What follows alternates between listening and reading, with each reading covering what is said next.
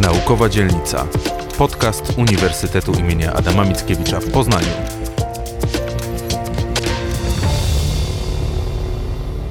Ta wojna tak szybko się nie skończy. To będzie nowy rodzaj zimnej wojny. Niemcy rozczarowały, bo okazały się piątą kolumną Rosji. W Polsce kończy się czas gasarbajterów, zaczyna współobywateli, powstaje mniejszość ukraińska. Dzień dobry, słuchacze, wita Małgorzata Rybczyńska. To tylko trzy tezy dyskusji podczas 30. jubileuszowej debaty akademickiej organizowanej wspólnie przez UAM i Uniwersytet Ekonomiczny, która tym razem przebiegała pod hasłem Świat po rosyjskiej agresji. Rozpoczynając dyskusję, profesor Maksymilian Stanulewicz stwierdził, że jak to zwykle bywa, generałowie przygotowują się do wojny z przeszłości, a przyszła wojna ich zaskakuje. Tak też było w przypadku agresji Rosji na Ukrainę. Na pewno jest to konflikt między dwoma blokami, ale już nie między dwoma biegunami NATO-Rosja. Raczej należy traktować konflikt na Ukrainie jako pewien rodzaj tego, co mieliśmy do czynienia na Bliskim Wschodzie, mianowicie tak zwanego proxy war, czyli wojny zastępczej. Mianowicie to jest starcie pomiędzy Chinami, które którego właśnie czujką jest Rosja, która testowała zdolność i miała tę wojną e, wytestować Zachód co do jedności. E, Chiny pozostają w pewnym dystansie do, do Rosji. Oczywiście wiemy o tym, że wspomagają dyskretnie swojego mm, zachodniego sojusznika, jednakże no, nie jest to takie zaangażowanie, jakiego by Rosja oczekiwała. W związku z tym wydaje się, że tutaj sytuacja nie jest tak oczywista, zwłaszcza, że na te Mm, na te relacje chińsko-rosyjskie uważnie patrzą Indie. W związku z tym wydaje się, że ten świat, którego będziemy teraz świadkami, który się kształtuje, to będzie kształt bloków. Świat na kształt pewnych bloków polityczno-gospodarczych, które będą dążyły do pewnej samowystarczalności wewnątrz tych wspólnot. Dlatego tak ważne jest z tego punktu widzenia funkcjonowanie Polski we wspólnocie europejskiej, w Unii Europejskiej, to właśnie jednym z takich bloków w tym zarówno państwa natowskie, jak i natowskie, ale tworzą pewną wspólnotę polityczno-militarną, bo tylko taki blok będzie w stanie podjąć rywalizację z innymi państwami, które będą tworzyły kolejne bloki.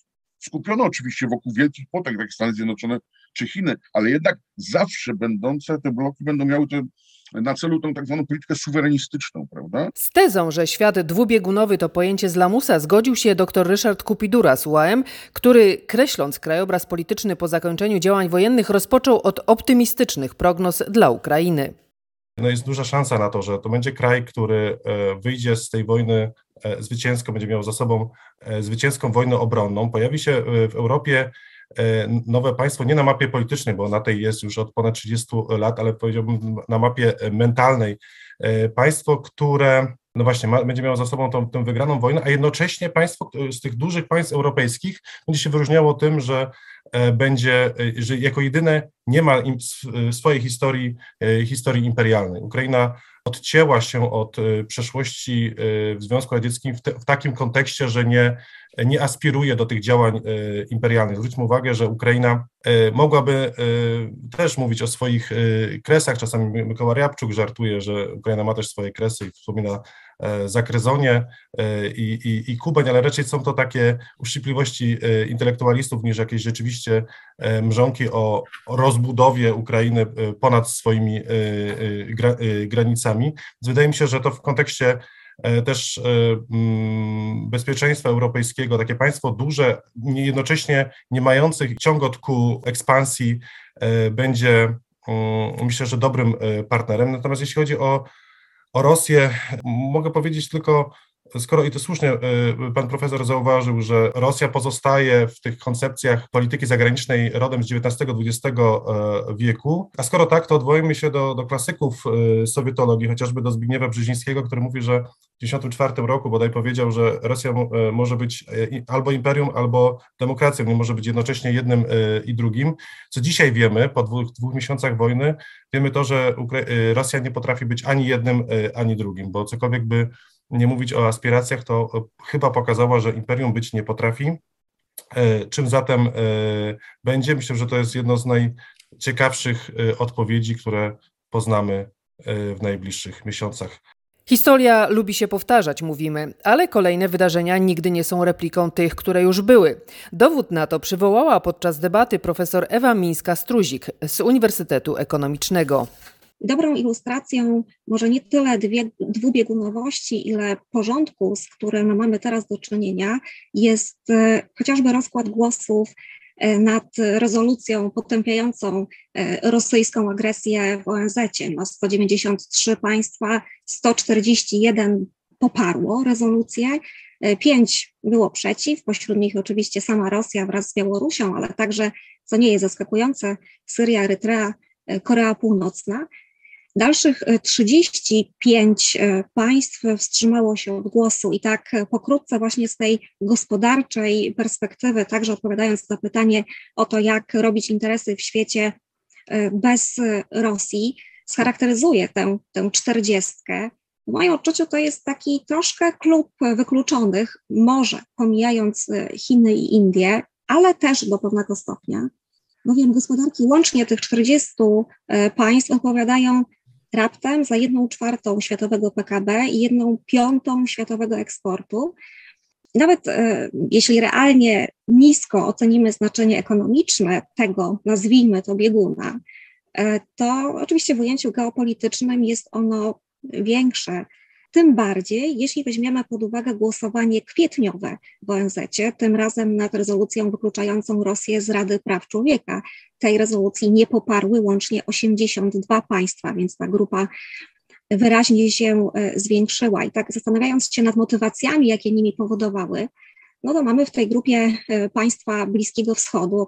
Dla państw Zatoki Perskiej powiązania z Rosją nie są jakoś szczególnie silne, ale nie chcą drażnić partnera wpływającego wspólnie z OPEC na ceny ropy naftowej, a ponad wszystko państwa te chcą wysłać czytelny sygnał e, USA. Jeśli nie jesteście tu z nami, to my nie będziemy z wami. Dalej kraje Ameryki Południowej, które poparły tę marcową rezolucję sprzeciwiającą się rosyjskiej agresji. E, w miesiąc później kilka z nich, w tym Brazylia i Meksyk, e, wstrzymały się od głosu i tu no, trudno oprzeć się wrażeniu, że skorzystały z okazji podkreślenia swojej niezależności od USA i również Rosja aktywnie pracuje nad podtrzymaniem tych relacji.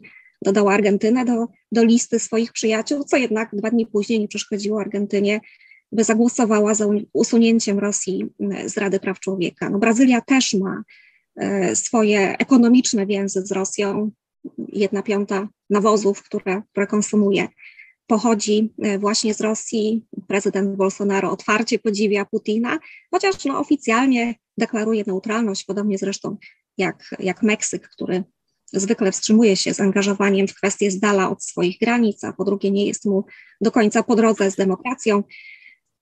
Osobną kwestią jest Afryka. 20 państw, 25 e, państw z 54 na kontynencie nie poparło już tej marcowej rezolucji potępiającej rosyjską agresję, no ale też trudno się dziwić, e, wiedząc e, w jakich relacjach pozostają one z Rosją. Rosja otwarcie korumpuje afrykańskie rządy dostawami broni Algieria, Angola, Sudan, Uganda, Madagaskar, Mali, Mozambik, te państwa z definicji nie mogą być e, przeciwko Rosji, ale ich e, siła gospodarcza, e, ekonomiczna jest no, wątła.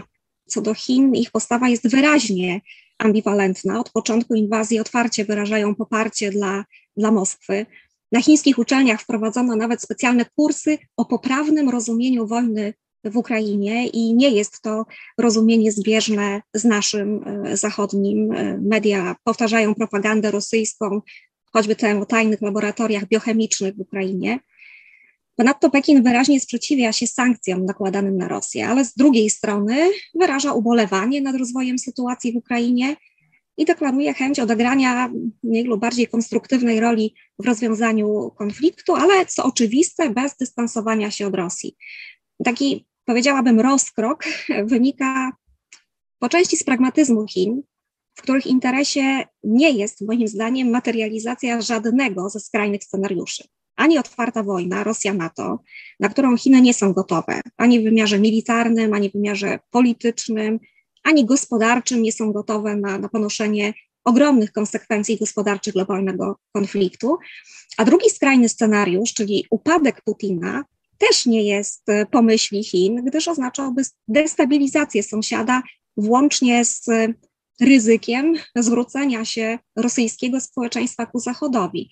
Tak więc e, w moim odczuciu utrzymanie wojny w Ukrainie jako konfliktu regionalnego, a w odpowiedzi sankcji, które, które osłabią Rosję, działa zdecydowanie na korzyść Chin, wzmacniając ich pozycję E, w stosunkach, e, w stosunkach z Rosją. Debata dotyczyła tego, jak będzie wyglądał świat po agresji Rosji, ale zdaniem profesora Marka Ratajczaka z UEP tego końca wojny tak szybko nie będzie, choć nie w sensie militarnym. To będzie konflikt, który będzie jeszcze przez wiele, wiele lat determinował sytuację w Europie i w znacznej mierze na świecie. Jest wielce prawdopodobne, że tak naprawdę będziemy mieć nową zimną wojnę, tylko z żelazną kurtyną na wschód od nas, a nie na zachód od nas, co ma oczywiście istotne znaczenie.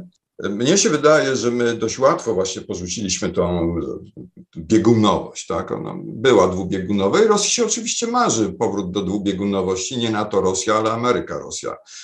Rosja specjalnie NATO nie szanuje ani nie traktuje jako podmiotu niezależnego, uważa to za podmiot całkowicie zależny od woli Stanów Zjednoczonych. Natomiast tak naprawdę przypominam Państwu, że świat miał być jednobiegunowy, tak? Słynny koniec historii Fukuyamy to była w gruncie rzeczy wizja świata jednobiegunowego, w którym historia wydała wyrok i od tej pory jest jedna wizja tego, co jest dobre i poza tym wszystko jest złe, a na straży tej jedynej słusznej wizji miały stać Stany Zjednoczone. I tak naprawdę Stany Zjednoczone średnio sobie radzą z tą rolą hegemona, e, a inni, widząc tę średnie radzenie sobie Ameryki z tą rolą, no próbują albo powrócić do świata mniej lub bardziej dwubiegunowego, to jest marzenie Rosji. To jest po trochę marzenie Chin, choć Chiny bardziej już wolałyby świat jednobiegunowy ze swoją szczególną rolą jako hegemona. I to są ci pomniejsi gracze, e, których lista jest długa i, i, i szeroka, e, z Turcją, Iranem i Indiami i paroma innymi państwami, którzy oczywiście nie mają możliwości grać na wszystkich fortepianach na raz, ale mogą sobie bardzo skutecznie, powiedziałbym, zakłócać grę tych głównych graczy, czyli mogą albo oczekiwać, ich, im pomagać, występując w roli sojusznika, albo tak jak tutaj już dzisiaj mówiliśmy, wysyłać raz po raz sygnały typu, a spróbuj grać beze mnie, tak, albo spróbuj e, e, ignorować moje, e, moje interesy. Tak naprawdę po prostu sprawdziło się to, co w tytule swojej książki napisał Robert Kagan. On to napisał Powrót historii, koniec marzeń. Tak? Nam się wydawało przez pewien czas, że świat właśnie geopolityki brutalnej, świat wojny jako przedłużenia polityki, jeśli nawet funkcjonuje, to gdzieś tam daleko od nas, tak? Powiedzmy sobie szczerze Państwa, gdyby w tej chwili Rosja najechała Tadżykistan, zupełnie byśmy inaczej odbierali to wydarzenie. Nawet gdyby było równie okrutne, równie krwawe, z równie proporcjonalnie dużą liczbą uchodźców, choć to przez znakomicie mniejszy kraj, bo to by było gdzieś w tym świecie, gdzie, gdzie przyjmowaliśmy taką trochę wizję, że jest ten nasz europejski świat, ten taki już pokojowy, spokojny i co tam jeszcze, gdzie wojna, no jeśli już to na tych Bałkanach, to nie jest nasz świat. I nagle się okazało, że ten powrót historii z całą brutalnością dokonuje się na gruncie Europy. Ja tylko przypominam, że już w 2008 roku, kiedy NATO ogłosiło wizję potencjalnego włączenia Gruzji i Ukrainy do NATO, Putin oświadczył Bushowi, że że alternatywa jest prosta. Ukraina w NATO, albo, czy w, i wtedy Ukrainy nie będzie, albo NATO odstąpi od idei włączenia Ukrainy w swoje struktury. On już wtedy to wyraźnie powiedział. Świat stoi więc przed poważnym wyzwaniem, z którym nie bardzo wiadomo co począć, przyznał profesor Ratajczak, dodając. I Francuzi, i Brytyjczycy w swoich językach rozróżniają pojęcie polityka bliższego naszemu politykier i polityka bliższemu naszemu mężowi stanu mamy bardzo dużo w tej chwili polityków na świecie, mamy stosunkowo mało mężów stanu. Dziś już wiemy, że Putin po agresji Krymu w 2014 roku dostał od Zachodu czas na pielęgnowanie swojej wizji wielkości. Ale jak mocnymi słowami podsumował profesor Stanulewicz, nie należy dać się zastraszyć. To znaczy trzeba chuliganowi dać w nos po prostu. E, I teraz tylko kwestia jest taka, zależy od determinacji Zachodu. Czy my jesteśmy w stanie takiego bandytę dać mu po prostu tak w nos, żeby go usadzić. To jest agresor, to jest bandyta, to jest oczywiście w tym zmieniającym się świecie takich wataszków pewnie byśmy znaleźli kilku, tylko nie każdy ma broń jądrową. Ale mam taką nadzieję i są sygnały mówiące o tym, na przykład o powstającym i istniejącym od kilku lat podziemnym ruchu oporu na Białorusi. Mianowicie na pewnym wysadzeniu tej koncepcji bliskiej zagranicy wokół Rosji, e, bo to Ukraina odpadnie, odpadnie być może Białoruś najprawdopodobniej, a sama Rosja nie jest wykluczone, wcale nie musi funkcjonować w takim układzie jak dzisiaj. Rosja może być związkiem, a nawet nie związkiem. Może być zlepkiem kilku państw rosyjskojęzycznych i stać się po prostu właściwie na granicy takiego rozbicia feudalnego ponownego. I to by było najlepsze dla świata, uważam, przynajmniej dla tych relacji europejskich. Czy to nadmierny optymizm, czy racjonalne przesłanki? Najbliższa przyszłość Ukrainy rysuje się niestety tragicznie, ale ta wojna pokazała, że sojusze mają znaczenie, a wartości, które zdawały się dane na zawsze, trzeba pielęgnować i przypominać, co podkreślali uczestnicy debaty. Czy Unia Europejska wyjdzie silniejsza z tej wojny? Czy ukraińska mniejszość to wyzwanie dla Polski? To pytania, które pozostały otwarte w tej dyskusji. Zachęcam do wysłuchania całej debaty. Link znajduje się w opisie.